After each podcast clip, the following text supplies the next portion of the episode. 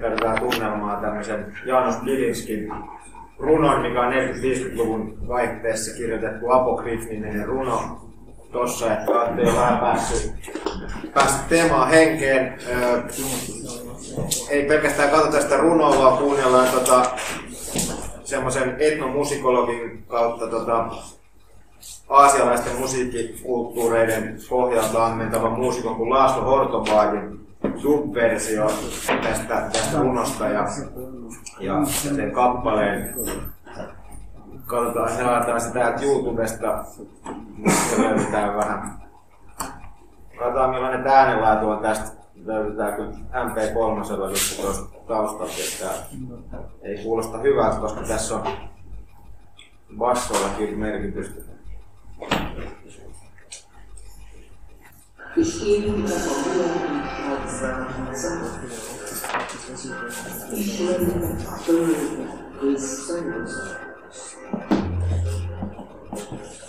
Ich bin ja schon lebendig, was haben Ich bin ja schon niedrigen Zahlen, Doppelschotten, das irdische, stündige, Bochens, Bochens, Fragen, Platz.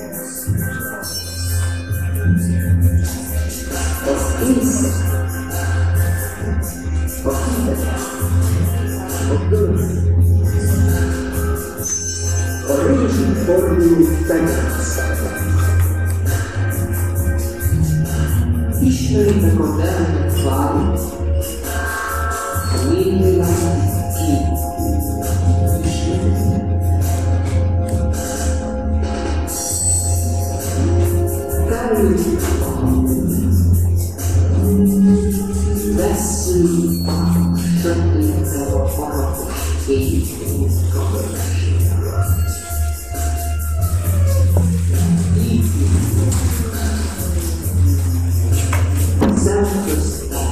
Tietenkin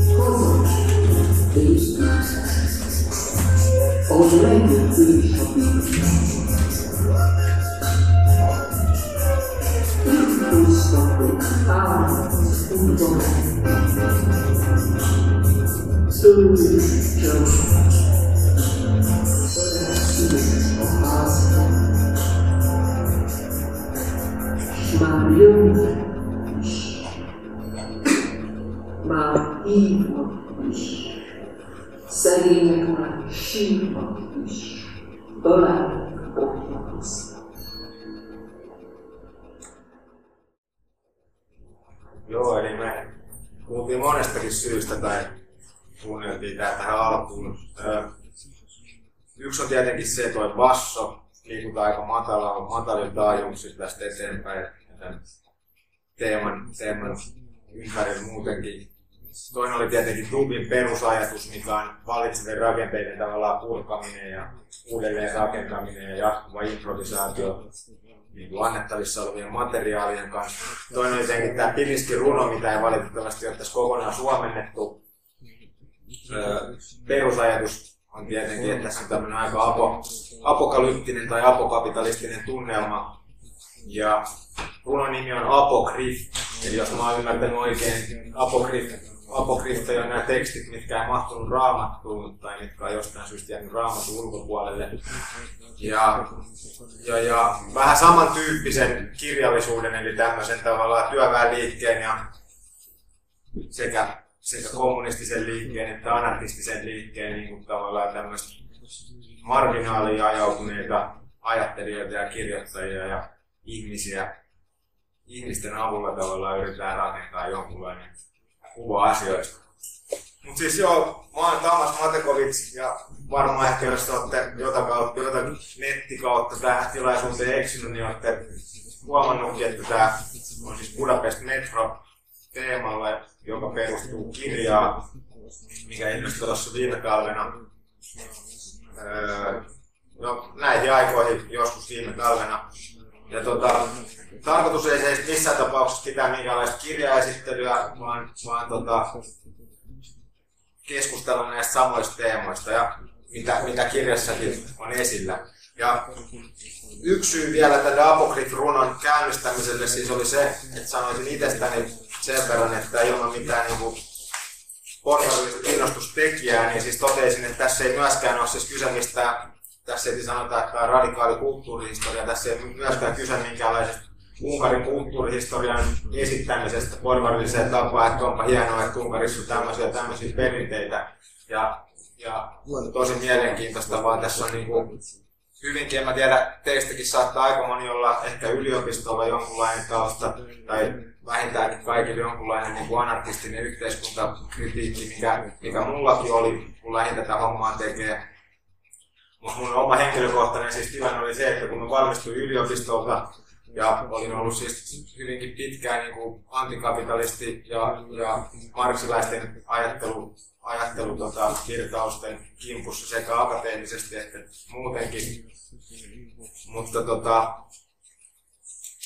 opintojen loppuessa niin vielä konkreettisemmin kuin koskaan aikaisemmin joudun tietenkin kapitalistisen todellisuuden kanssa vastatusten niin kuin tämä Apokris runon päähenkilökin. Ja tota, sen sijaan, että mä olisin koittanut just tehdä tämmöistä niin kuin Budapestin radikaalin kulttuurihistorian esitystä, niin tämä oli enemmänkin matka itsellenikin. Öö, minkä matka siis Budapestin erilaisiin alakulttuureihin ja vastakulttuureihin, joiden avulla mä yritin itse ratkaista sitä, että mikä tämä, niin mikä tämä kapitalismin ongelma on. Mä olin aikaisemmin siis suhtautunut siihen pitkälti niin tämmöisen kulttuurisen ongelman, että niin kuin tavallaan tietoisuuden ongelmana, enkä niinkään materialistisena ongelmana. Ja tarttumalla näihin Budapestin apokriittisiin teksteihin, niin alkoi selvitä hyvinkin erilainen kapitalismikritiikin muoto. Ja, ja niitä nyt, tai siis tätä, tätä asiaa yritän tota, vähän selvittää. Mutta tosiaan kirjasta ihan lyhyesti, että tämä on tämmöinen niinku, no tossa ne lukeekin, eikä siitä tarvitse sen tuota yläriviä sen tarkemmin oikeastaan edes kommentoida.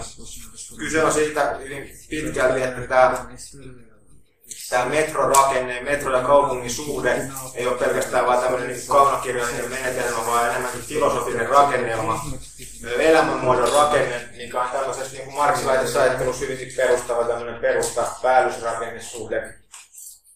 Ja tota, voisi itse asiassa yhden, yhden kirjan tästä. Esille, esittääkseni vielä vähän tarkemmin, mitä mä tarkoitan tällä elämänmuodon rakenteella. Nämä on nämä, siis nämä kirjan, kirjan johdantolauseet, mitkä mä ehkä voisin tästä lukea tarkemmin ääneen.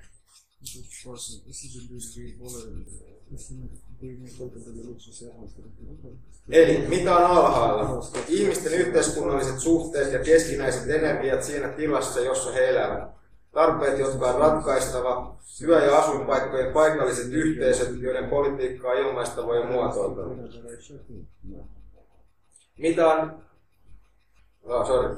Yksittäistä, tämän oli siis sanonut Peter Sigitti niminen budapestilainen marksilainen ajattelija, mutta hyvinkin perustava ja yleinen ajatus ehkä marksilaisten keskuudessa. Toinen on siis Jörg Lukácsilta, joka on Budapestin toisin ajattelijoiden tietenkin ehkä tunnetuin nimi, kapitalismikriitikoiden tunnetuin nimi. Mutta häneltä on tämmöinen lainaus kuin yksittäisten vääryksien esiinnosto fetisoinnin. Ja saa ne tuntumaan asioita, joita voi ainoastaan moraalisesti tyrmistellä. Todellisuuden prosessiluonne katoaa. Tähän on vastalääke. Muodon konstruktio muodon antaminen todellisuuden rakenteelle ja sen prosessiluonteelle. Ja kolmanneksi, kun tässä liikutaan tässä hyvinkin radikaalien tavallaan itsensä radikaaliksi mieltäneiden ihmisten ja heidän ajatustensa ympärillä, niin vielä tämmöinen itse Karl Marxin tuleva tarkennus siitä, että mitä, mitä radikaali käsitys tarkoittaa. Radikaalia on mennä asioiden juurille. Ihmiselle juuri on ihminen itsessään. Ja sitten toi neljäs, mikä tuossa on ylimpänä tuossa rivillä, tulee semmoiset hahmot kuin Lajos Kassaa runoilijalta. Toi olisi mutta vain paremmin sidottuja toisiimme, mikä on tämän niin kuin oikeastaan, voisi olla tämän yksinkertaisesti koko luennon motto ja koko mun henkilökohtaisen kapitalismin kritiikin motto. Kapitalismin suurin ongelma on se, miten se sitoo ihmiset yhteen.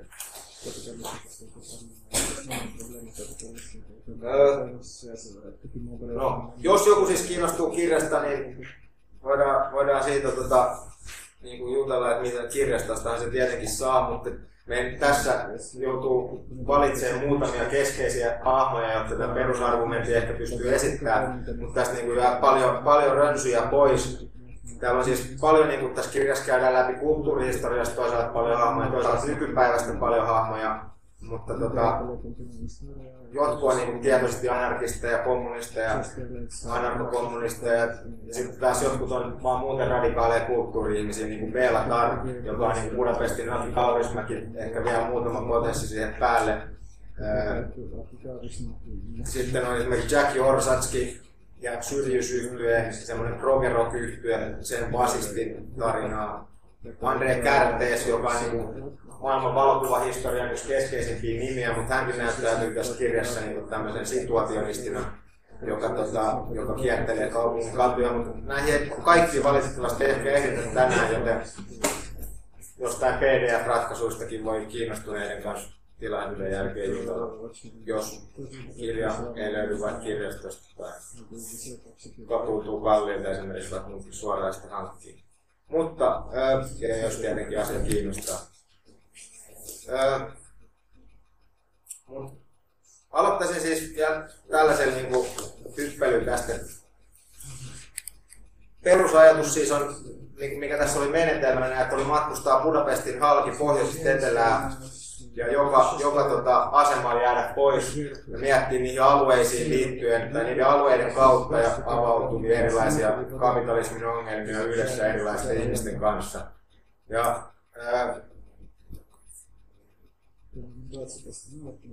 ja, ja, ja, ja vaikka on niin hyvin erilaisia, niin kuin elämä näyttäytyy kaikkialla, sekä niin kuin kapitalismin niin kuin erilaiset ongelmat, että niiden ratkaisuja pohtivat ihmiset hyvinkin niin kuin erilaisista, hyvinkin erilaisia tilanteita löytyy matkan varrella, mutta ne on kaikki kuitenkin perustaltaan hyvin samanlaisia saatanallisten myllyjen maailma, käsite, siis tulee tietenkin William Blakeilta alun perin, mutta Budapestin tämmöisen niin akateemisen kapitalismin kritiikin ehkä yksi niin Helsingissäkin tunnetuimpi nimi Karl Polanyi antoi markkinoille saatanallisten myllyjen käsitteen.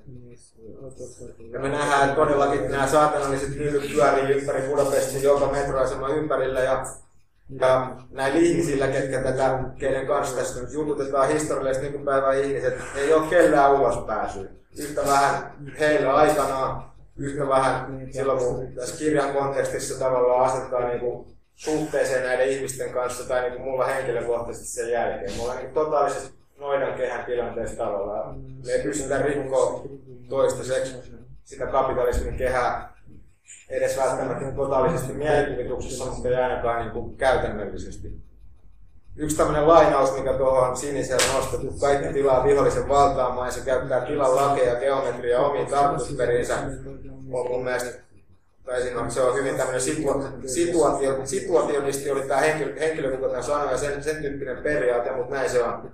Kaikkiaan meidän ympärillä kapitalismi lähdetään spektaakkeli, spektaakkelia kohti meitä ja vaihtoehdottomuutta ja se ei ole vaan mikään, me, se on todellakin meille tavallaan vaihtoehdoton. Me ei itsekään pysty toimimaan se ulkopuolella, vaikka niin kuin tässäkin perustelen tätä kohtaa, vaikka teistäkin varmasti monesta, monesta tuntuu ja musta itsestäkin tietenkin tuntuu, että monesti haluan toimia kapitalismin ulkopuolella ja se logiikan ulkopuolella, mutta silti mitä se sitten niin ehkä kohta siitä lisää.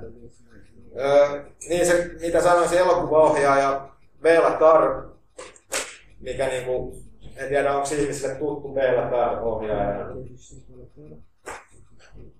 Öö, ei välttämättä ihan hirveästi. Se oli viime, viime kesänä oli Sodankylä elokuvajuhlilla. Siellä olisi ollut hyvä mahdollisuus nähdä sen tuotantoa. Mutta se on siis ohjaaja, joka, joka tekee täysin niin tavallaan spektaakkelin vasta, vastakuvastoa. Öö, toi Saatanaton on seitsemän tunnin elokuva öö, kollektiivisen tilan hajoamisesta ja, ja tämmöisen osuuskuntatilan hajoamisesta, hirveän pitkiä kuvia ja, ja täysin niin kuin, tavallaan niin kuin nykykuvaston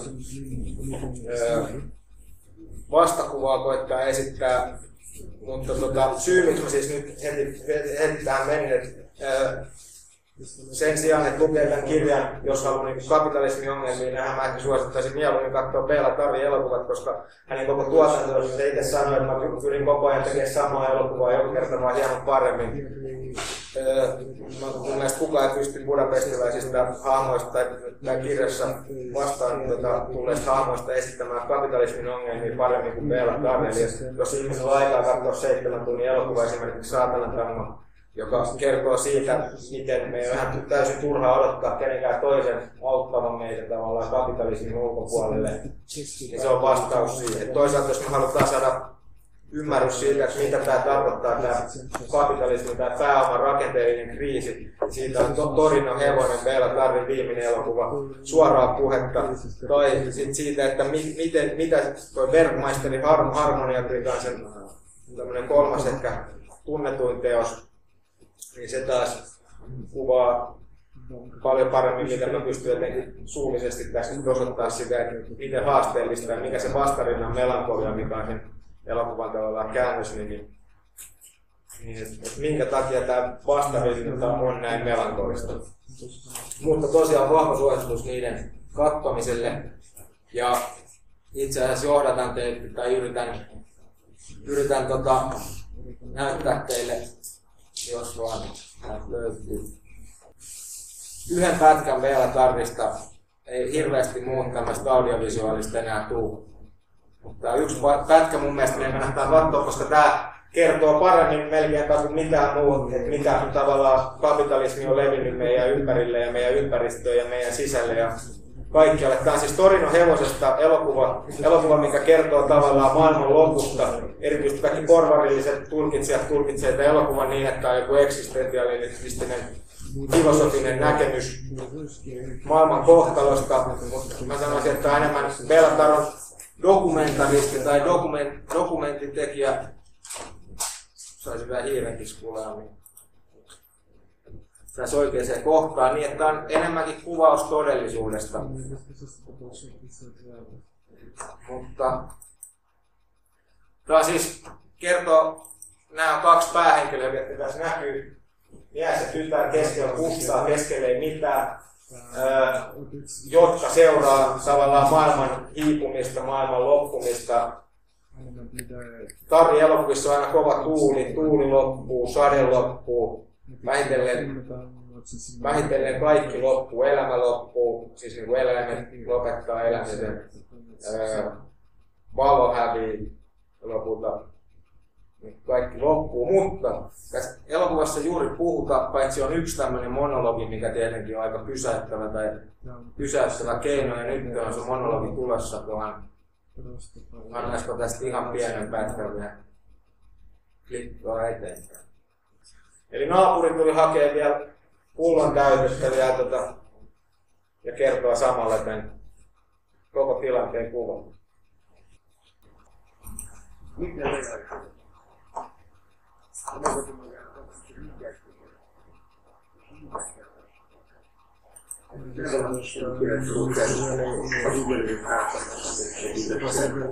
Itt pont fordította dolog. Az embernek a saját kultúrájáról van szó.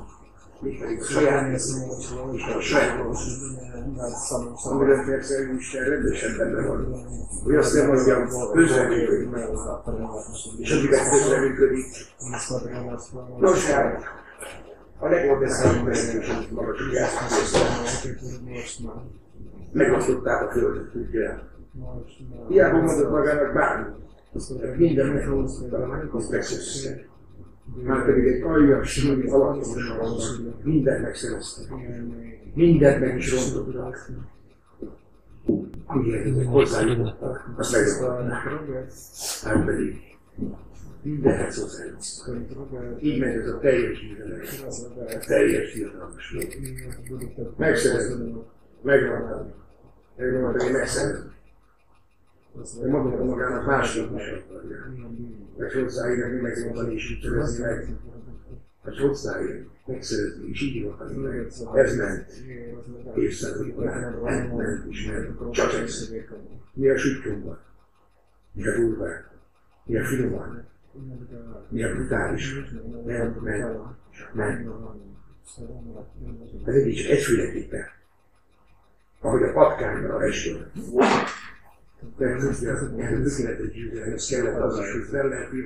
Magának.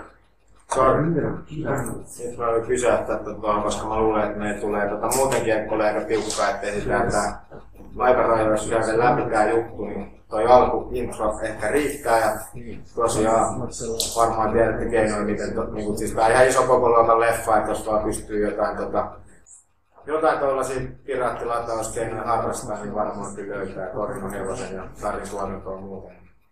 Mutta siis niin, että tää oli siis sen takia, koska niin kuin tälle yleisölle etenkin, mitä niin kuin kuvittelen, että niin kuin, tai niin kuvittelen, vaan arvaan niin kuin teidänkin jakavan niin kuin vahvan kapitalismikritiikin, niin en, en tällä kertaa siis niin kuin esittele niin kuin kapitalismin ongelmia enää sen kummemmin, vaan niin kuin siitä enemmän tähän vallankumouksellisen perinteen puoleen siinä mielessä, että mitä voi, voisi tehdä ja mikä se tavallaan ongelma on, mitä, mitä kohti, tai mitä, su, mitä kohden pitäisi suunnata toimintaa.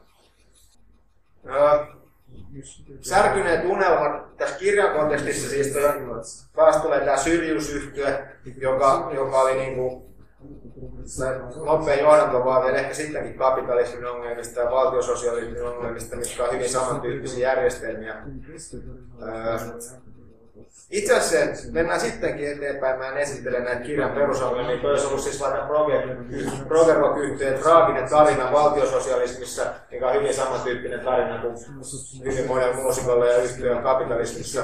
Toisaalta, toisaalta toi särkyneet unelmat viittaa tämän kirjan lähtökohtaa, Uipasti Budapestin pohjoisen puolen yhden isoimman, tai Budapestin isoimman lähiön, mikä on kaupungin pohjoispuolella. Kirja lähtee siitä käyntiin, jonka tapasin kaksi naishenkilöä, jotka asuivat siis keskenään äiti ja tytär, molemmat opettajia. Ja heidän niin kohtalosta kertoo se, että isoäiti, tai siis tämä äiti, äitihenkilö oli 70-vuotias ja vieläkin opettaja, koska Budapestissa yksinkertaisesti eläkkeelle ei toimeen. Sitten taas tytär, joka oli opiskellut yliopistossa, en tiedä, lähes 10 vuotta, ja taas niin pystyisi opettaa sekä englantia että matematiikkaa lukiotasolla, tai 8 vuotta se oli opiskellut. Ja tota, yksinkertaisesti sekin joutui lopettaa opettajan pestin, koska koska se about 300 tai jopa vieläkin pienemmällä palkalla, mikä opettaja saa Budapestissa, ei näin nykyisellä, nykyisellä hinnoilla pysty konkreettisesti tulla toimeen. Ja tytön ratkaisu, mitä ne esitteli mulle niin kuin enemmän tai vähemmän niin kuin odotuksissa, oli se, että, että englannin ja matematiikan taidoilla oli päässyt kirjanpitäjäksi jollekin firmalle, ei edes mikään vakinaiseksi kirjanpitäjäksi, vaan tietenkin jonkunlaiseksi työharjoittelijaksi tässä vaiheessa, mutta odotukset oli kovat. Mä tavallaan pahan pelkään, että tämäkin unelma paremmasta tulevaisuudessa heidänkin osaltaan tulee särkyä. Mutta tota, tämä särkyneet unelmat siis ei ole, ei ole nyt vaan siis näiden kirjan osoittamien budapestilaisten niin kapitalismin ja valtiososialismin ihmisten niin kohtaloiden osoitus, vaan paljon yleisempi asia. Toisaalta tietenkin siis toisaalta tuo kolmas on valtiososialistinen modernisaatio on ihan selkeä varmaan meille kaikille ja varmaan kaikille muillekin ihmisille, että se yritys ja sen, tota, sen tapa nykyaikaistaa elämää tai edes niin kuin, nykyaikaistaa siinä mielessä modernisaatio käsittää niin kaikki ongelmat sivuten se ei ollut se reitti, miten, miten siirrytään tavallaan parempaan nykyaikaan. Mutta mikä on meille ehkä tässä relevantimpaa, on tämä, särkyneet unelmat, miten se liittyy poliittiseen työväenliikkeeseen. Taas tietenkin mä vielä ja arvaan, että, että sitäkään täällä ei tarvitse sanoa, miten, miten tämä totaalisesti sumpikujas poliittiset, poliittiset työ, työväenliikkeen poliittiset haarat sekä niin kuin tämä byrokraattinen niin kuin tuotannollinen haara, eli AY-liikekin on mutta mut sitten, mikä, mis, nyt aletaan jo siirtyä pikkuhiljaa niitä luennon varsinaista teemaa, niin myös, myös toisenlaiset työväenliikkeen muodot on, tai niidenkin tavallaan unelmat on ainakin tästä, tästä mun näkökulmasta ja siis tämän, tämän, tällaiset ajattelutraditio, mitä tässä nyt tavallaan mietitään, niin näkökulmasta tullut tiensä päähän. Eli, eli tällaiset kulttuuriset tavallaan tota, työväenliikkeen muodot. Eli esimerkiksi akateeminen kapitalismin kritiikki, ää, ää, ideologinen tavalla agitaatio tai jopa tällaiset tilaisuudet, missä me nytkin ollaan. Tai siis tietenkin nehän nyt tavallaan on tuossa tota, samassa, mutta siis peruspointti on se, että, että semmoinen mekanismi, missä, missä me kuvitellaan, että me voidaan että meillä on jonkunlainen käsitys siitä, että mikä on kapitalismi ja mikä olisi parempaa, ja me pystyttäisiin tavallaan kertoa se muille menestyksellisesti ja sen jälkeen yhdessä liikkuu kohti, kohti parempaa tulevaisuutta, niin tällainen niin kuin malli on mun mielestä, mun mielestä taas, niin kuin, voi puhua niin omalla äänellä, niin tässä vaan, vaan, vaan hyvinkin monenkin muunkin ihmisen äänellä on tullut täysin tiensä päälle. Ja, tähän perusta päällysrakenne kuvioon liittyen sanoisin just nimenomaan, että päällysrakenteessa käytävät taistelut on osoittautunut, tai niiden unelma päällysrakennetta muuttamalla ää, asioiden muuttamalla, tai päällysrakennetta muuttamalla kohti muutoksia siirtymistä, se unelma on särkynyt ja tästä on loistava esimerkki mun mielestä, mitä mä tässä kirjassa vähän tarkemmin käyn läpi, Ilona Dutsitskan henkilökohtainen historia, joka to, tosiaan kävi monessakin mielessä vallankumouksellista ilmoittaa. Jos 1900-luvun Euroopassa oli jonkunlaista vallankumouksellista niin toimintaa, Ilona Dutsitska ihan varmaan osallistui niistä kaikkiin. alkaen alkaen tietenkin agitaatiosta, flyereiden jakamisesta ensimmäisen maailmansodan tienoin. Kanto Neuvostoliitosta toi Timant, vaikkei missään tapauksessa ollut Bolshevikki, toi Timanttien Neuvostoliitosta salakuljetti Budapestin vallankumouksellisten tueksi. Toi Zimmerwaldin julistus Budapestiin öö, oli hyvin lähellä työläisneuvostoja, tai siis luotti semmoiseen muutokseen, yritti aktivoida niitä, yritti löytää opiskelijoiden ja työläisten välisiä yhteyksiä rakentaa. Öö, hän kävi just tätä vallankumouksellista ilmasotaa monessakin mielessä. Esimerkiksi jos Budapestin ensimmäinen työläisneuvosto silloin ensimmäisen maailmansodan tienoilla oli lentokonetehtaalla, josta ne vei näitä aluksi, aluksi laittomasti lainaten niitä lentokoneita, tiputteli flyereita. Myöhemmin, kun Budapestin tämä 1919 vallankumous oli, oli ajautunut tiensä päähän, niin ne toimi melkein kaikki unkarilaiset vallankumoukselliset Viinissä, Itävallassa ja sielläkin jatkuu tämä vallankumouksellinen ilmasota, niin kaappas radio, tai siis kaappas radioasemia niin välitti sieltä hyvin niin tämmöistä anarkosunikalistista viestiä eteenpäin. Myöhemmin Ilon Dutsinska tuli tunnituksi tällaisesta tälleen feministisestä näkökulmasta hirveän mielenkiintoisesti siitä, että oli Karl Polanin tota, vaimo, ja edelleen Tutsinska jatko niin herkeämättä tutki esimerkiksi 40-50-luvulla, kun alkoi, tota, stalinistinen järjestelmä Unkarissa kehittyä, niin tutki, että missä niissä osuuskunnissa oli kyse. Ja yritti niin tavallaan silloin niin akateemisemmin ja tavallaan niin tutkimuksellisen otteen Polanyikin rinnalla edelleen jatkoi niin tätä hyvinkin radikaalia toimintaansa, mutta niin kuin nähdään, niin ei, nämä menetelmät ei kovin pitkälle johtanut Ilona Tutsinskaa eikä, eikä muitakaan öö, vastaavia menetelmiä käyttäneitä. Mutta tota, mä lähtisin kuitenkin Ilona Dudzinskan sijaan tästä toisesta 1900-luvun alun vallankumouksellisesta, joka on joka voisi sanoa, että on, on tämä Budapest metrokirjan ehkä semmoinen taustahenkilö ja hyvin siis keskeisin taustahenkilö ja kun Lajos Kassa, joka oli, tota, joka oli syntynyt Slovakian alueella maaseudulla ja niin kuin niin kuin Budapestin kasvuun liittyi just 1900-luvun alussa, kun siellä on tota, niin moderni teollisuus ja etenkin, etenkin kapitalismin tota, tavallaan nykyiset, nykyiset muodot tavallaan tota, hahmottua ja vakiintua ja ottaa alaa, niin siihen tietenkin kuuluu se, että maaseudulta ihmiset muutti, muutti Budapestiin.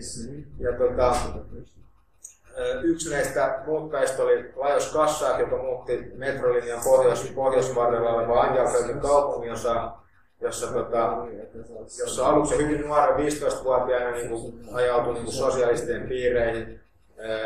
osoittautui aika nopeasti lahjakkaaksi puhujaksi, joka agitoi ihmisiä hyvinkin menestyksekkäästi. Mutta mut, Kassakin oli hyvin, hyvin niin kuin, vaikka oli, ei, ei missään vaiheessa sopeutunut tähän niin kuin, sosiaalidemokraattisen puolueen lähellä olevaan työväenliikkeeseen, aina oli sen ulkopuolella. Ja, ja, ja osittain ja kriittisemmin ehkä suhtautui tähän työväenliikkeeseen kuin monetkaan aikalaisensa. Ja, ja, ja, ja, ja, ja mikä tuossa ei lue, että hän oli ennen kaikkea siis runoilija, siis oli tehdastyöläinen pitkään, joka, joka tota, joka lopultakin lopetti sitten sen työnteon ja niin kuin eli todella syömättä ja, ja käytännössä muiden ihmisten tuollaisen kirjoittamalla runoja. Mutta siis tämä nyt oli ehkä turhankin pitkä tällainen Kassakin alkujohdanto. Kassakissa on se mielenkiintoista, että hänessä niin kuin yhdistyy koko tavallaan niin 1900-luvun ihmisenkin tavallaan elämänkaari hyvin monella tavalla. Siinä on semmoinen elämänkerta kuin yhden ihmisen elämä, että täällä ei valitettavasti olla kuin yksi unkarinkielinen ihminen, kuka se voi lukea. Olosta tätä jämpärillä lähtee. Vai jos kasvaa. Ja sit vaan köyntää, kun me lähdetään. Radio Jamashow. Eli tota siis, Lajos Kassakin siis merkittävä oli se, että siis hän oli anarkisti, joka tota, ei, ei pitänyt anarkisteja minä. Anarkistit oli hänelle pappeja, ketkä niin puhuu kovaa ääneen ja julisti ihan siinä samalla tavalla kuin, kuin sosiaalidemokraatit. Samoin anarkosyndikalistit, joita hän niin kuin, tavallaan toisaalta oli hyvin lähellä ja niin kuin itsekin tavallaan niin kuin, saattoi niin kuin, allekirjoittaa anarkosyndikalisten ajatuksia, mutta anarkosyndikalistenkin toimintaa tarkasti tarkemmin katsottua hän näki, että täällä on ihan samanlaisia hierarkisia ja byrokraattisia rakenteita kuin kaikissa muissakin vaihtoehdoissa. Koska ei missään vaiheessa löytynyt tavallaan semmoista työväenliikkeen muotoa, mihin mihin, mihin liittyä. Mutta mikä hänen siis niin käytännön toimintansa hän oli sitä Lanjaföldissä ja, tota, ja, ja hyvin lähellä siis koko ajan näitä, näitä, näitä, näitä tehdastyöläisiä. Ja siellä julkaisi, alkoi julkaista tämmöisiä hyvinkin edistyksellisiä avantgarde-lehtiä, mitä nyt tietenkin oli yhtä lailla Pietarissa, Saksassa, ympäri Eurooppaa, muualla, Italiassa. Ja, ja tämä Budapestin avantgarde liike oikeastaan voisi sanoa, että, että henki löytyy kassakin. Se oli iso liike, siis tietysti paljon ihmisiä, ihan maailmankuulujakin nimiä, esimerkiksi Laszlo Mojoinai, myöhemmin Bauhaus-mestari, Robert Kapa, tai usein heidän tämmöisiä erittäin kuuluisia valokuvahistorian näkökulmasta ainakin tyyppejä, joihin myös ehkä kohta palataan, jos ehditään. Oli näissä kassakin piireissä myös esimerkiksi Bela Barto, tämä säveltäjä, tämä niin tämmöisen modernin klassisen musiikin klassikko, oli myös niin kuin Ma, tai tämä Kassakin lehdet julkaisi hänen juttuja jo paljon ennen kuin mitkään tavallaan porvarillinen taidemusiikkikenttä kiinnostui siitä. Ja mutta Kassakilla voitaisiin katsoa, hyvin keskeinen tällainen, sen, tää, niin on siis voisi sanoa, että siis monet muistakin siis näistä avantgarde konstruktiivista liikkeistä oli siis tietenkin yhteiskunnallisesti edistyksellisiä, mutta Euroopan mittakaavassakin tämä tota, Kassakin toiminta oli siinä mielessä mielenkiintoista. Harva oli näin niin proletaaripohjasta ja ehdottoman luokkatietoista vielä, ja, ja tietoisesti niin kuin vielä anarkist verrattuna esim. moniin venäläisiinkin, venäläisiinkin avantgarde hahmoihin. Tässä siis Kassakin henkilökuva vuodelta 22. Tämä on vain joku blogi, mihin on ihan hyvin kerätty näitä tota, joitain Kassakin töitä. Tässä on esimerkiksi tämä Malehden kansi. Tässä on kuva-arkkitehtuureja, mikä on joitain hienompia kuin tämä versio, vaikka voi tuostakin toki pitää. Tämä oli just tämän Ma-lehden, Ma-lehden kansi, missä siis tota, oli näitä eri, eri ajan tota, kriittisiä tota, näkökulmia tuotiin yhteen. Mutta näistä kuva-arkkitehtuureista mä siis haluaisin sanoa vielä sen verran, että siis tää oli tää Kassekin näin, näin avantgarde-julkaisuihin, niin kaikkia liittyy näitä, nämä tekijät kirjoitti manifesteja ja tarkensi sillä, mitä nämä usein abstraktit kuvat tarkoitti. Ja Kassekin manifestin nimi oli siis kuva-arkkitehtuuri.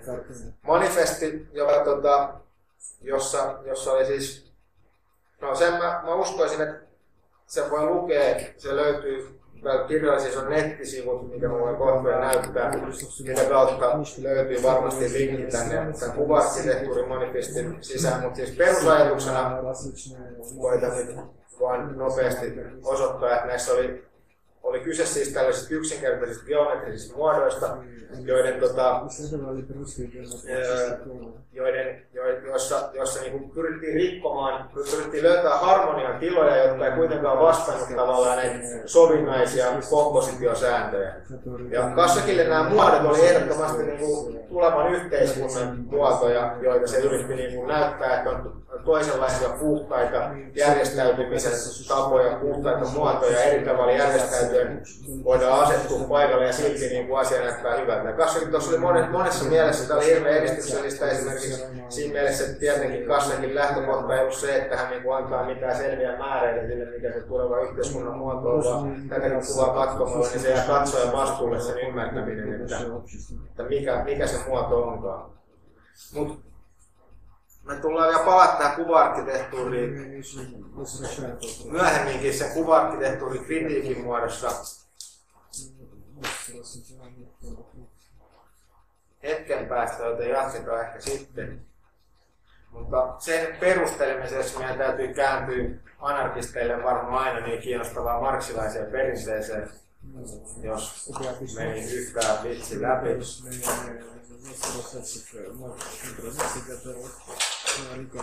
Tässä olisi jossain siirrestä.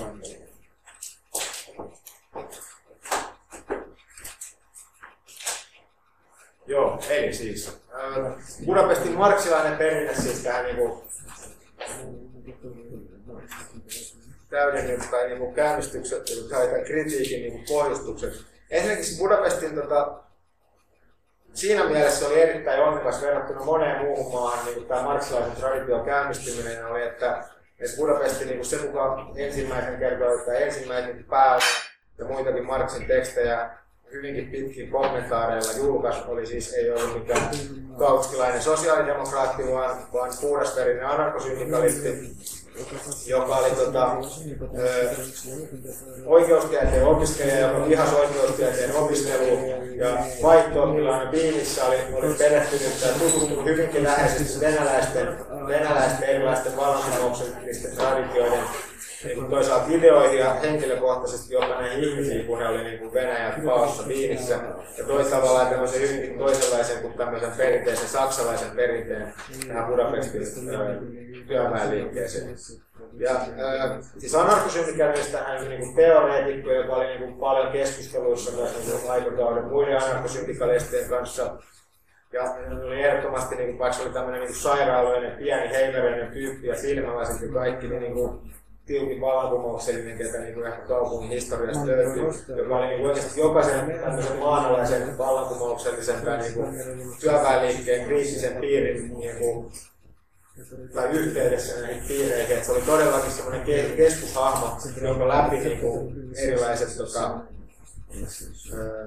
erilaiset liikkeet tavallaan kohtasi, jos niin näinkin voi että yksi ihminen voi tämmöistä tehdä. Ja sitten porvarilliset ammatiltaan, mikä oli erittäin mielenkiintoista, että miten se pystyy niin pitämään toisaalta tällaista linjaa ja toisaalta 1900-luvun alun porvarillisessa ilmapiirissä niin saada semmoisen testin niin kuin kaupungin kirjastohoitaja ei hoitaja, vaan johtaja. Ja nimenomaan se oli siinä mielessä johtaja, että se oikeastaan koko käynnisti koko kaupungin kirjastosysteemin Unkarissa tai tämmöisen yleisen kirjastosysteemin. Mutta siis taas tämä, niin tämä oli ehkä turhan pitkä tämmöinen henkilöhistoria johdanto. Sabon merkitys oli siinä, minkä voisi tiivistää lyhyesti siihen, että, että se määritteli työväenliikkeen lyhyesti ja kriittisesti näin sanomalla, että työväenliikkeeseen on paljon vaikeampi liittyä kuin me ikinä voidaan kuvitella.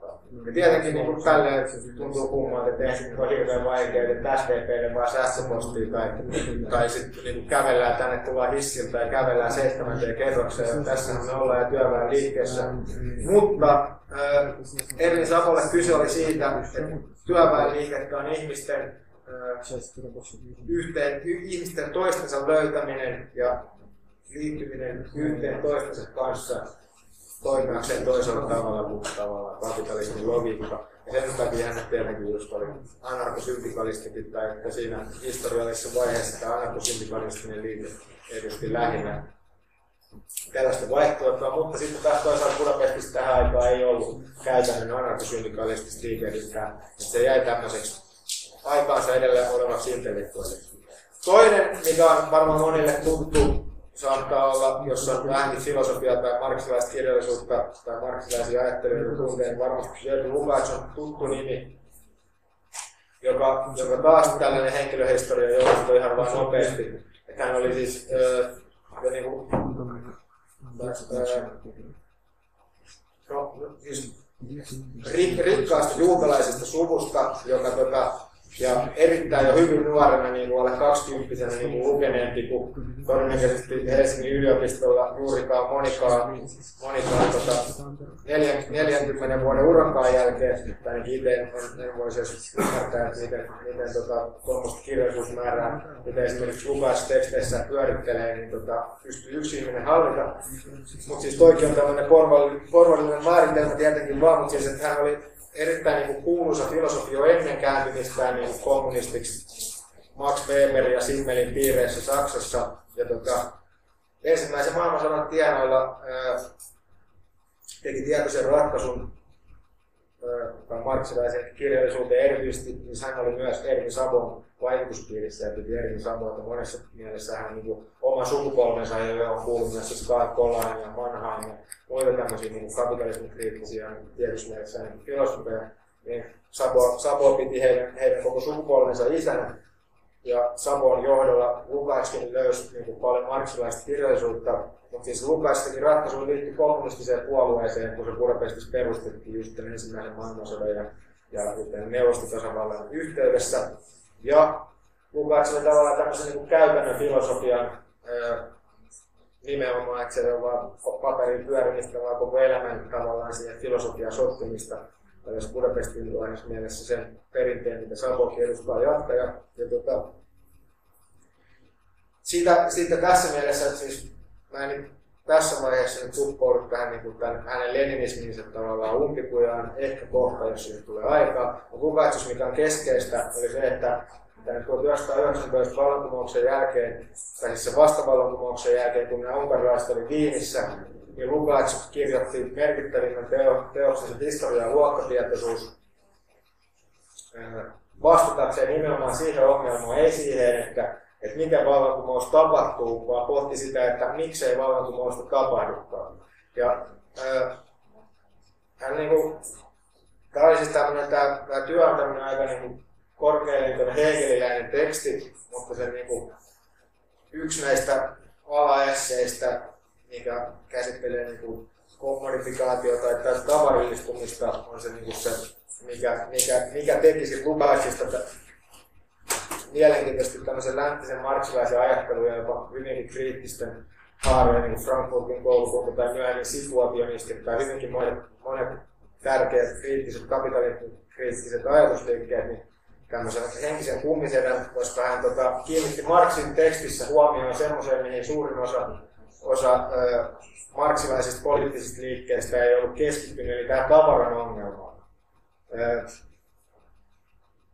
jossa siis kyse on yksinkertaisesti siitä, että, että, että mitä niin Marx pääomassa aloittaa siitä, ja, ja se on niin kuin tämän perinteessä, se on se Marxin ydin, mitä esimerkiksi mun mielestä vieläkään niin kuin, niin kuin täälläkin Helsingissäkin me nähdään vaikka minkälaisia marksilaisvaikutteisia julkaisuja ja akateemisia ihmisiä, ja niin kuin se ongelmakenttä pyörii hyvinkin toisenlaista ongelmia ympärillä kuin vieraantuminen.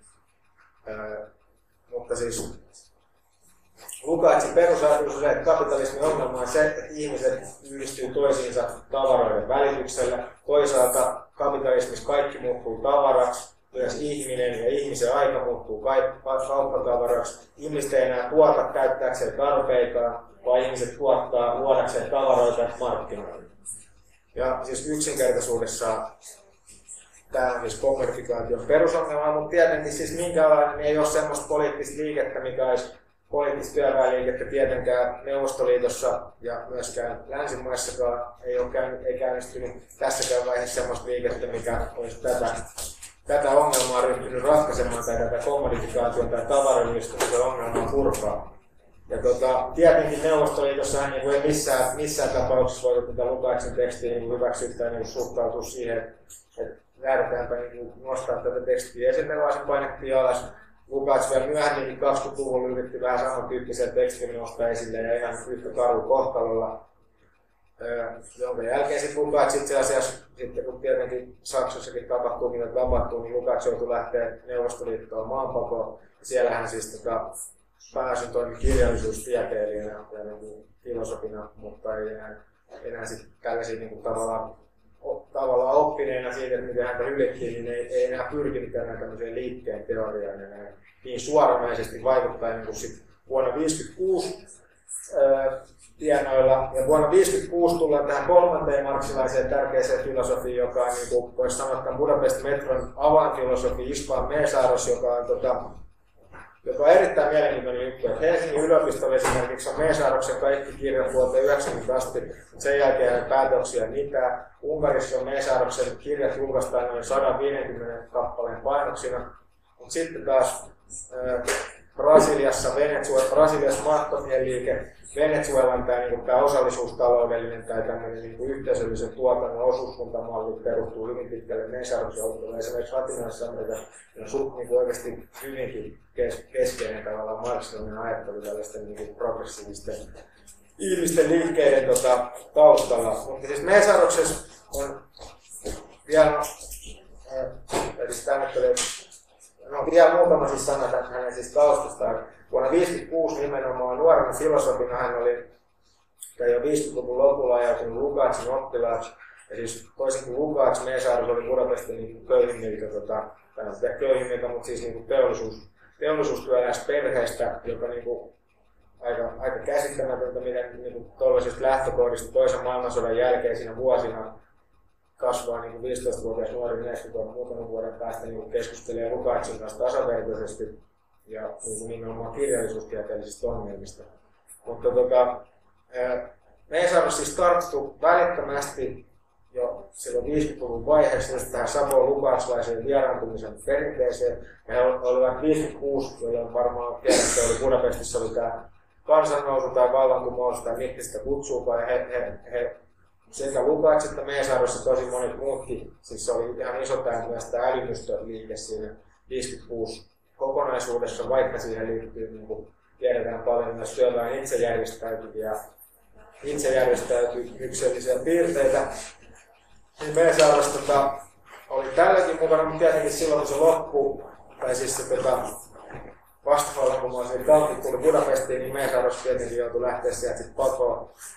Vähän toverit niin ehkä ei lähtenyt, oli aika paljon parempi kohtalo, mutta Meesaaros loi, loi sitten tota, Lontoossa porvarillisen akateemisen uran, mutta, mutta, tota, mutta tota, ei, tota, ei tippaakaan tinkingistä tästä tavallaan Sabo lupaslaisesta perinteestä. 70-luvulla kirjoitti erittäin, mitä mä suosittelen, että jos tämä kommodifikaation ja tavaroidistumisen ja erityisesti siis vieraantumisen ongelma yhtään kiinnostaa, niin tämä Meesaaroksen kirja, vaikka sekään nyt ei ole ihan helpointa luettavaa, mutta ehkä helpompaa kuin Hegelin, siis Lukácsin lukeminen, niin on erittäin hyvä tiivistelmä siis tämä Meesaaroksen Marxist Theory of Alienation kirja vieraantumisen ongelmasta, joka niin kuin, ei ole pelkästään Marx-kommentaari, vaan hyvin hyvällä tavalla koko länsimaisen filosofian niin kuin, tavallaan vieraantumisteorioista koittaa rakentaa historiallisempaa, tai niin kuin nimenomaan ei tämmöisestä ideaalisesta filosofisesta näkökulmasta, vaan työväenluokan näkökulmasta tapahtuvaa niin vieraantumisteoriaa ja vieraantumiskäsitteen ongelmaa. Neesaroksen taas toinen pääteos 90-luvulla on tämä Beyond Capital Towards the Theory of Transition, eli pääoman puolen oleva kirja, joka, tota, joka on myös niin mun mielestä käsittämätön, että Helsingin yliopistolle esimerkiksi ole tällaista kirjaa. Ja, tota, ja, ja tämä on siis se pääteos, ja siis tässä on niin kuin, toisaalta tämä nyt kaikki mitä mä sanoin, että, että hän puhuu niin päärantumisesta, pääomasta, pääomajärjestelmästä, niin on meidän perusmarksilaista tuttua, että tähän kaikki tekee.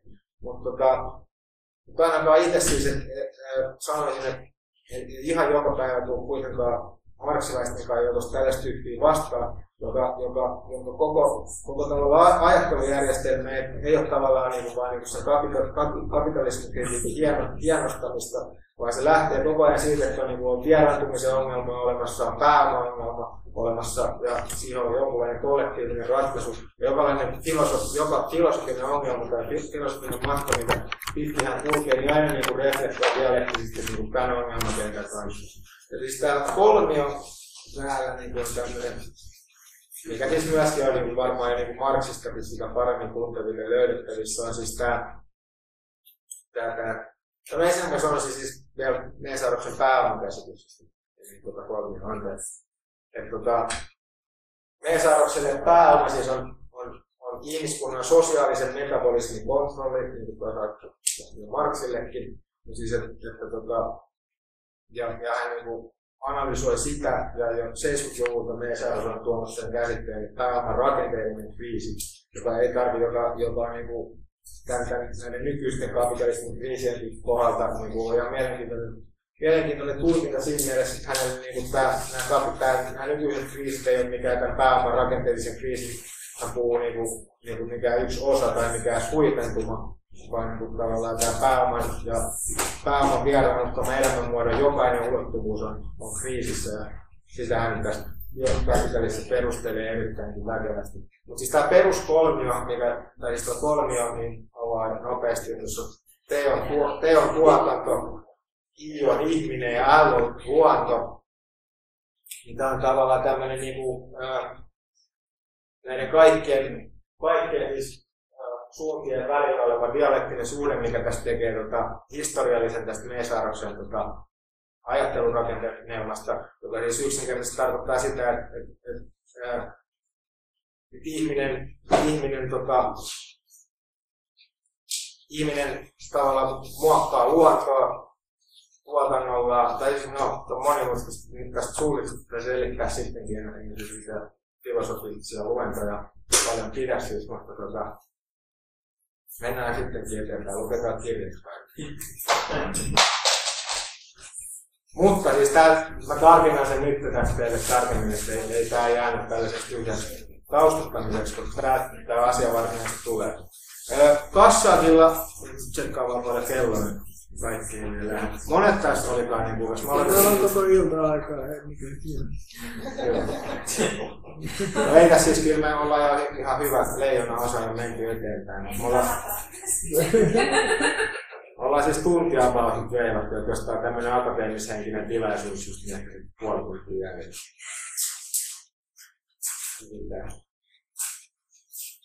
Ei me olla akateemisia. No hyvä. Lopetti, sitten lopetetaan aikaisemmin, mikä vähän myöhemmin.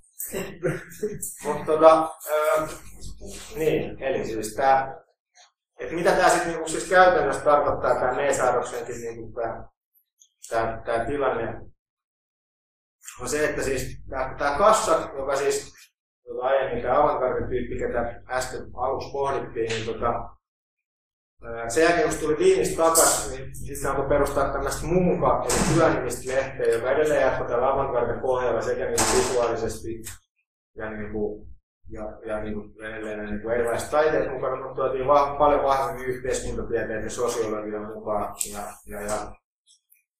Tämä oli oikeasti todella elinvoimainen niin liike. Tämä ei ollut mikään pienen, pienten piirien juttu, vaan tässä oli oikeasti niin työväkeä, nuoriso, ne oli isoja ryhmiä ja erityisesti siinä Hortin valkoisessa sunkarissa niin, niin, niin oli kyllä aika kiitettävää, että pystyi tällaisessa mittakaavassa pitää näinkin radikaalia toimintaa hyvin kauan liikkeessä. Siis siihen kuului säännöllisiä vankila, vankilajaksoja kassakinkin vaiheessa ja näyttelyiden lopettamista ja lehtien lopettamista. Kassakin oli siis paljon muitakin lehtiä kuin Maja Munka. Mutta siis kassakinkin tästä, mitä voisi sanoa tavallaan radikaalista työväenliikkeen niin haarasta, irtosi vielä radikaalimpi linja joka nimenomaan niin kritisoi Kassakissa sitä, että, että siitä puuttuu just tämä vieraantumisen, esineellistymisen, tavaran ja palkkatyön kritiikki.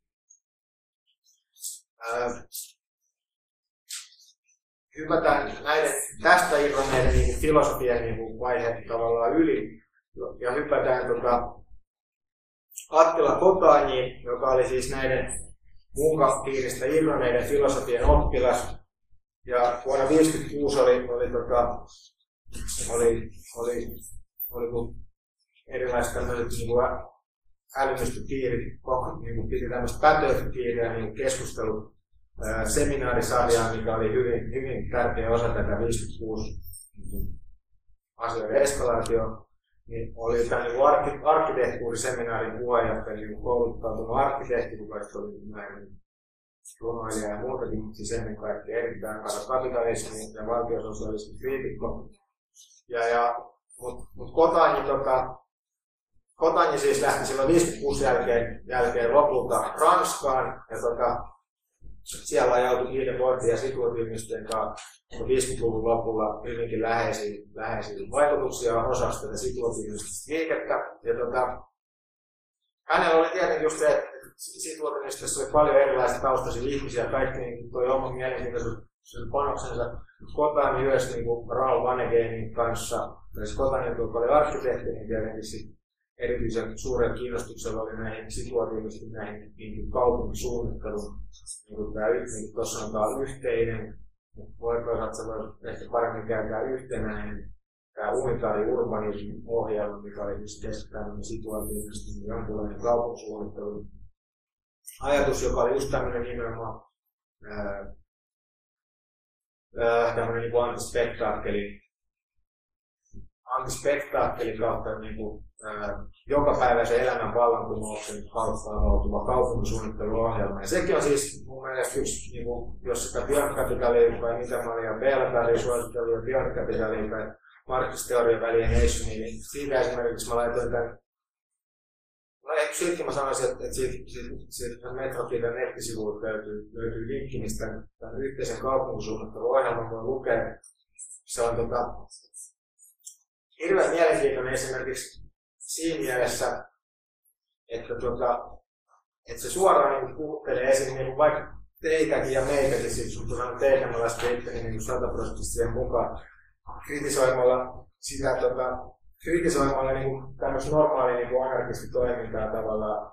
Ja, niin siinä mielessä kritisoimalla sitä, että, että esimerkiksi järjestää joku tämmöinen, niin kuin, mikä on tietenkin loistava juttu, että niin yhteisesti voi jonkunlaiset saattaa tai niin jotain, tai niin kuin, vaikka järjestetään jonkunlaisia niin kuin, tiloja, patikoita, jonkunlaisia saarekkeita tavallaan niin kaupungista tota, eristäydytään kapitalistisesta todellisuudesta ja luodaan keskinen tila, missä vaikka järjestetään niin ympäri maailmaa tietenkin kaupungissa ja muualla tapahtuu, mutta niin ihmiset täytyy yhteen järjestää jotain tavaranvaihtopiirejä, vaikka jotain ruoanlaittoa tai jotain tavaroiden korjaamista tai kieltoopiskelua tai mitä tahansa tällaisissa piireissä voi tapahtua tai valmistautua jonkinlaisiin mielenosoituksia tällaista tehdä. Mutta Kotan ja näiden situatiivisten niin kritiikki tällaista toimintaa kohtaan oli nimenomaan se, että, niin kuin, että se, se, tila, mikä meidän pitää rakentaa, niin ei saa olla niin osa elämää tai niin kokonaisvaltainen elämäntila, mikä on tietenkin paljon haasteellisempi kysymys järjestää, niin kuin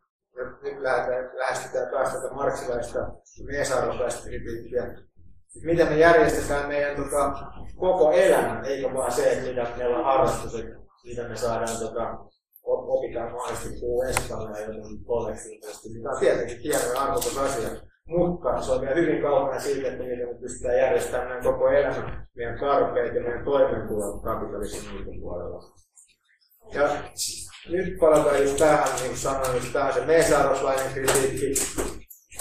Ja, ja, ja, ja, ja sen siis avain, avain tota, termi voisi sanoa, tai voisi sanoa, että jos niin kuin meesaaroksella voi yhden niin termin liittää, niin yhteisöllisen tuotannon filosofi, joka, joka, jota niin kuin nyt me nähdään paljon erilaisia liikkeitä. Mä käyn, mikä teidän suhde on tämmöisiin liikkeisiin, niin osallisuustalous tai yhteisöllinen tuotanto tai, tai solidaarisuustalous ja erityisesti sellainen käsite, mikä on tavallaan tämmöinen akateeminen muotitermi nykyään commons tai tämmöinen commons-tutkimus. Mutta se tulee hyvin lähelle siis nämä kaikki erilaiset ilmiöt eri nimeillä, mitä tietenkin tämä systeemi niin tavallaan fragmentoi tai edistää, niin tällaisetkin antaa eri nimiä näille samoille asioille.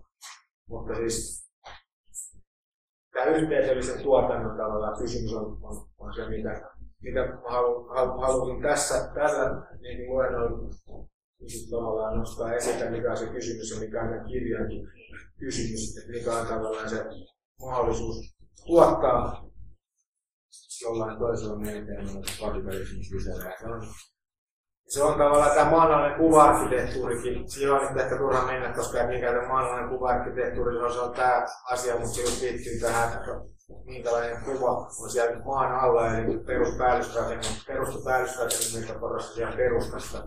Eli niissä ihmisten välisissä suhteissa, millainen kuva siellä muodostuu, ollaanko tämmöinen niin platonisoitu ja individualisoitu ihmisten joukko, joiden meidän välillä on muurit toistamme välillä ja korkeintaan tavaroiden välityksellä, että ollaan yhdistyneenä toisiimme, vai ollaanko me jonkunlainen toinen, tai onko meistä nähtävissä jonkunlainen toisenlainen yhteisöllisempi kuva siellä perustassa, niin kuin on nyt sanomassa, niin ei ole.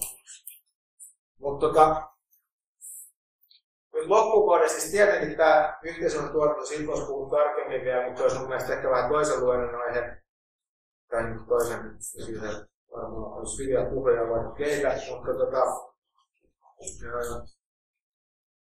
sanoisin, että vielä niin että se ei ole kyllä mikään kovin niin kummonen ajatus, totta kai monen sadan vuoden ajan ollaan ajateltu tätä näin, että, tai siis on ollut ihmisiä, jotka on puhunut siitä, että mikä on se yhteisöllisen tuotannon mekanismi, että se on olemassa, mutta se iso kysymys on tietenkin, että miten siihen päästään. Että miten se tapahtuu. Ei se ole vielä juuri mitään, niin kuin osataan sanoa tämmöinen ajatus. Nyt mä tässä slaidissa, niin kuin, me ei nyt ehkä tätä, tä, tästä just, että voidaan leikata, leikata pois. Mutta siis tämäkään ei ollut pelkästään näiden Unkarin niin valokuvaperinteen, joista kolme ensimmäistä on oikeasti, jos maailmassa on, maailmassa on 20 vaikka maailman valkomestaria klassikkoa, niin kolme ensimmäistä varmasti kuuluu siihen. Lucia Hervio, Le Corbusierin kuva ja Jörg Keteskin, jo valtava ura MIT-yliopiston tämmöisen visuaalisen tutkijan ja, ja tutkimuslaitoksen johtajan luonut tyyppi. Niin näiden avulla mä olisin vielä koittanut osoittaa sitä tavallaan sitä erilaisen ilmasodan tai päällysrakenteessa toimivan tota, toimivan taistelun umpikuja. Mutta näistä vain siis nostaisin edelleen Robert Kapan esiin. Näistä kaikista muistakin olisi on ihan mielenkiintoisia tavallaan. Ehkä kommentteja ainakin omasta mielestä mielenkiintoisia juttuja sanoa. Mutta toi Robert Kapan, siis osuuskunta-aktivisti, Robert Kapa oli siis tämä, tämä, tota, tämä, tämä, tämä niin ehkä yksi, yksi kuuluisimmista sotakuvaajista, ketä on ollut Euroopassa esimerkiksi sillä on sellainen kuuluisa kuva kuin Espanjan sisällissodasta, missä se tasavaltalaisten kaatuva sotilas ja, ja, ja paljon muitakin aika keskeisiä tavallaan semmoisia ikollisia sotakuvia, mutta siis mitä he teki, niin Henry Cartier Weston ja siis Robert Capa just näistä nuorena näistä kassaatun piireistä.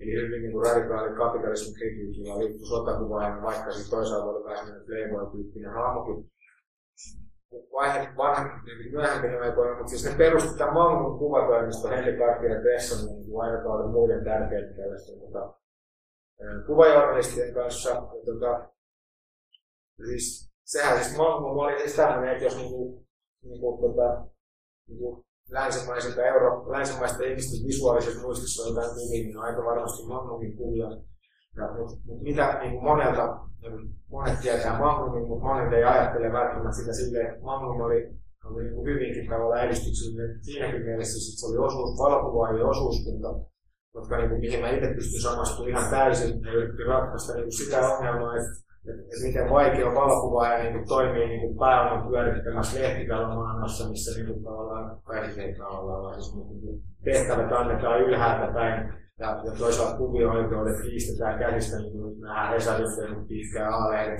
ja ihan samalla tavalla, mitä Robert Kapajan ja kaikki muutkin kuvaajat on, on tuota, joutunut niin kapitalismin historiassa aiemminkin samantyyppistä ongelmakenttien kanssa törmäämään, mutta tota, kaupallinen näin, eli perusti osuuskunnan, jossa niin ne itse pystyy kontrolloimaan sitä, sitä kuvallista tuotantoa ja sitä, sekä mitä ne kuvas, kuvaille jäi oikeudet. Ja tietenkin niin kuin osuuskunnan parhaat puolet toteutuu ja sen tuloksena niin kuin eurooppalaiset ihmiset saa nähdä, saa nähdä tätä kapitalismin aikakautta lähempää kuin ehkä muuten olisi olisi, olisi, olisi pystynyt käyttämään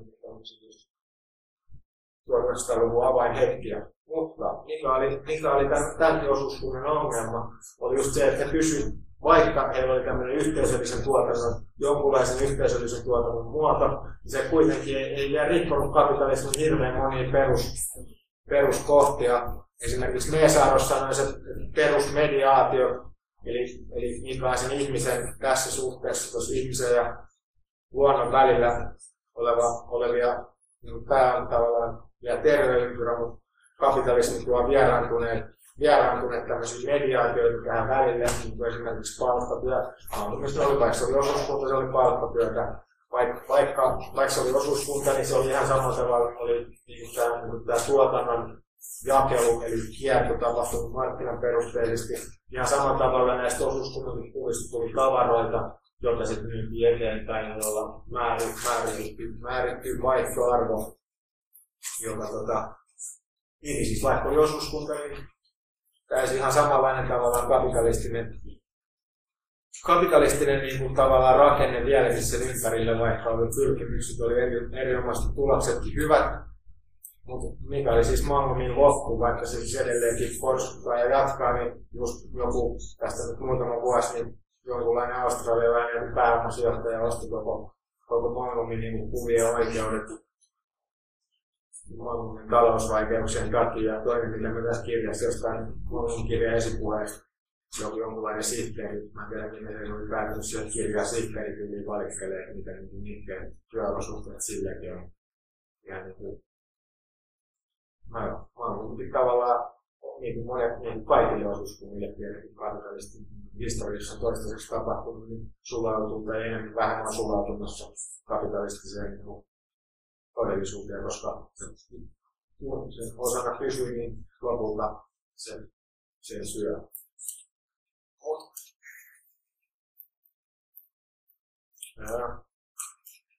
No, vaikka tästä Kärteisistä nyt ei valitettavasti pystytä enempää tämä musiikki juttu, että tässä metrokirjassa on, on, on musiikki hyvinkin erilaisissa vaiheissa tulee esiin. Ja valitettavasti nyt tähänkään ei mennä, paitsi niin kuin ihan mielenkiinnostavaa tavallaan kuriositeettina ehkä muutamiin kohtiin. Ei mennä eteenpäin, koska se jää vähän turha irralliseksi.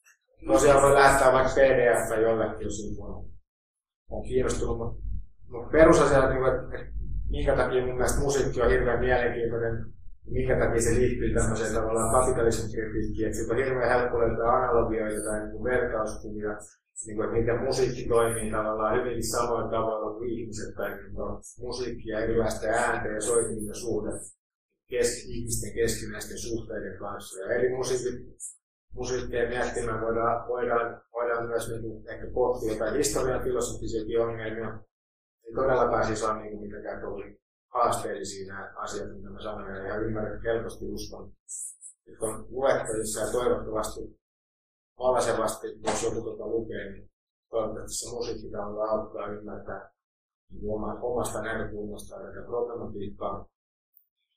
Mutta tota, ehkä täällä voitaisiin lukea vielä. Tämäkin on yhdestä, yhdestä Tarvin elokuvasta tota, mikä kertoo siis Werkmeister, joka oli tämmöinen barokkikauden tämmöinen niin kuin musiikki, musiikkitutkija kautta niin kuin, kehitti hän säveli, niin kuin, mikä on nykyisenkin korjattaa joku, jos tiedätte paremmin siis tätä yksityiskohtaa, että missä määrin, mutta se edelleen niin soitinten viritys- ja sävelijärjestelmä, niin yhdessä on tämä Werkmeisterin tekniikka, mutta tota, no, oletaan se läpi, niin se on ehkä seuraavakin sama on sanonut selkeä, minkä meillä Kar, jonka, jonka tota, vakiokirjoittaja Laslo Krasnaholka kirjoittanut, on huomioinut tämän mikä liittyy meidän musiikkiin ja koko meidän yhteiskunnalliseen olemiseen.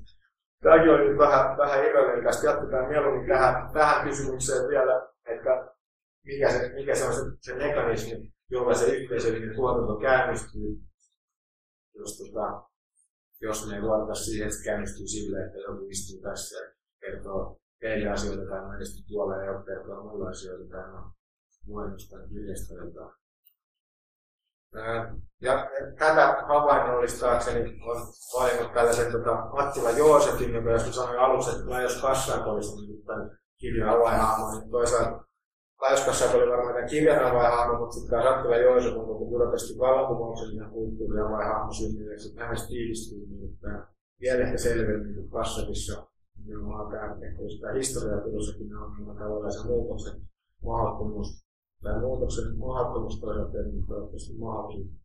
Mutta siis Attila Joosef oli, oli tota, silleen, että Unkarin kulttuurihistoriasta, tai niin kuin, jos, jos, tai Unkarihan on kirjallinen kieli siinä, ja kirjailijat ja kirjallisuus ja tietysti runoilijat ovat tärkeitä verrattuna esimerkiksi Suomeen. Mä esimerkiksi niin yhden suomen, suomenkielisen lukijana niin ollut oikein kirjoittanut runoudesta mitään niin totta kai vaikka Elvissin tai Kasvin vala tai tällaista hirveän hieno runoilija.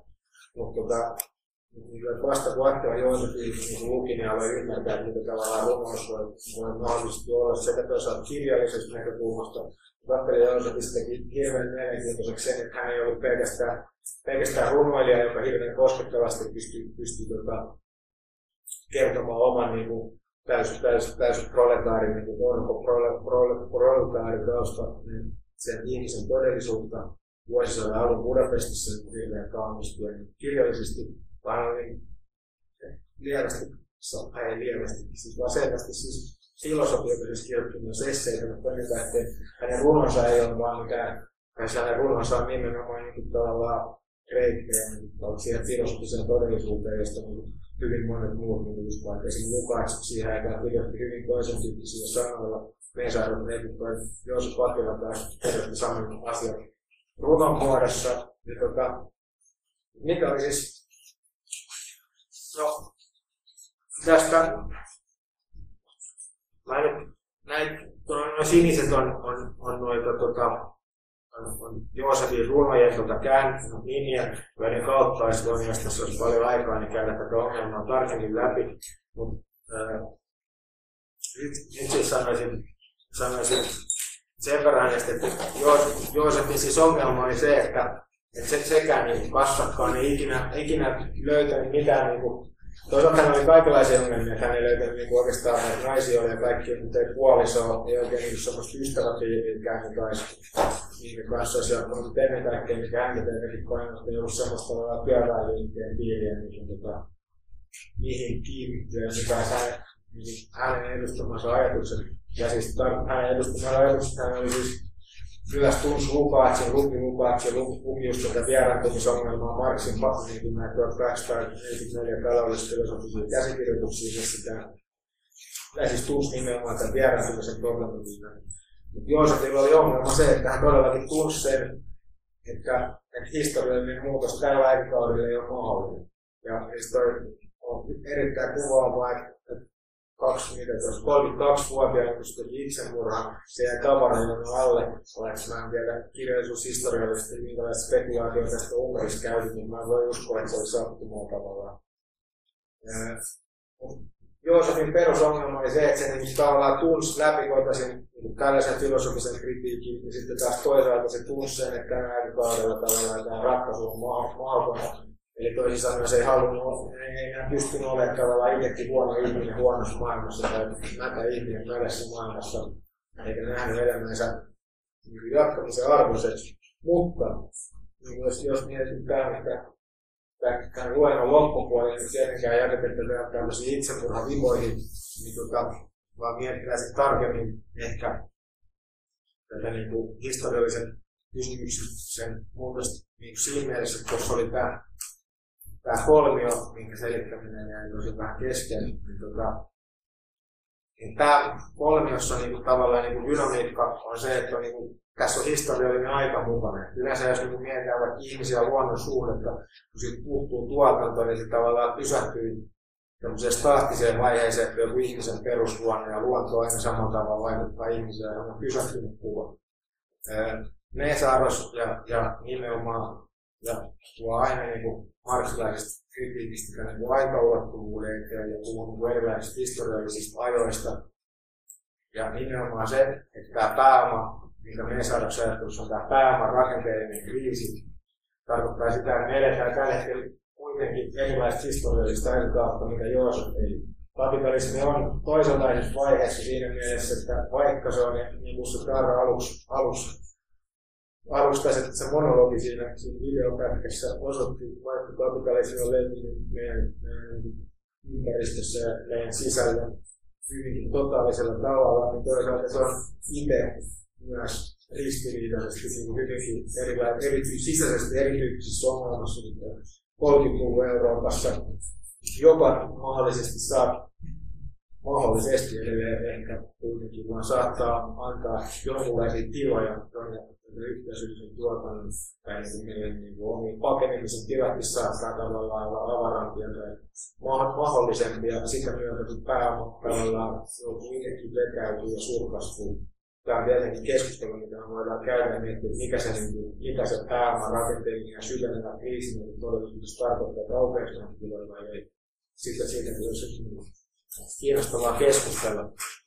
Mutta tota, mä lopetan tota, taas sen Laasta Hortopaikin nimisen etnopsyke etnomusikologin tyypin biisiin.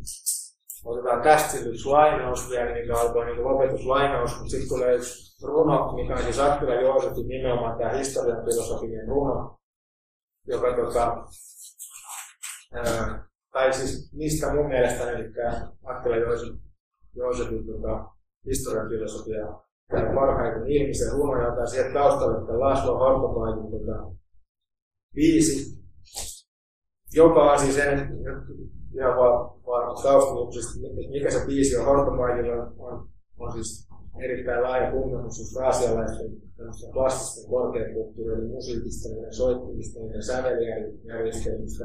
Ja sitten taas toisaalta niin 60-luvulla, jos muutti Intiaa tutkijana sen ja tutkista pitkään ja sen jälkeen on jatkanut siis tämmöisen jatsko taidemusiikki hommaa ja musiikin tutkimusta Budapestissa, mutta siis niin sitten hirveän modernin tavalla se niin sämplää eri, eri näitä soittimia ja hip-hop-tuottajan tavoin tyyliin ja tota, luo semmoisia erilaisten aikakausien ja erilaisten maantieteellisten paikkojen ää, musiikkeja ja soittimia ja niin säveljärjestelmiä sekoittamalla luo niin uusia toisenlaisia todellisuuksia todellisuuksia tiloja. Ja, ja, ja, ja otetaan siis ei kun siis tää, tää lyrikka, mikä tästä on se muusikon, mikä on tosi mielenkiintoinen tyyppi, sen, senkin nettisivuilta löytyy tota, senkin nettisivuilta löytyy siis englanninkielisiä ja aika mielenkiintoisia tekstejä, joita suosittelen tsekkaa. Mä voin näyttää vielä sen nettisivun vaikka mistä tuosta lopuksi vai jossain vaiheessa, mistä, mistä se linkki löytyy. Mutta siis tämä on se muusikon kirjoittama juttu, ja nyt siis puhutaan muusikon biisi ja sitten Attila Joosefin runo siinä taustalla lopetuksessa, mikä on vähän pidempi runo, mutta biisikin on muutama minuutti, eli muutama minuutti tätä esitystä jäljellä.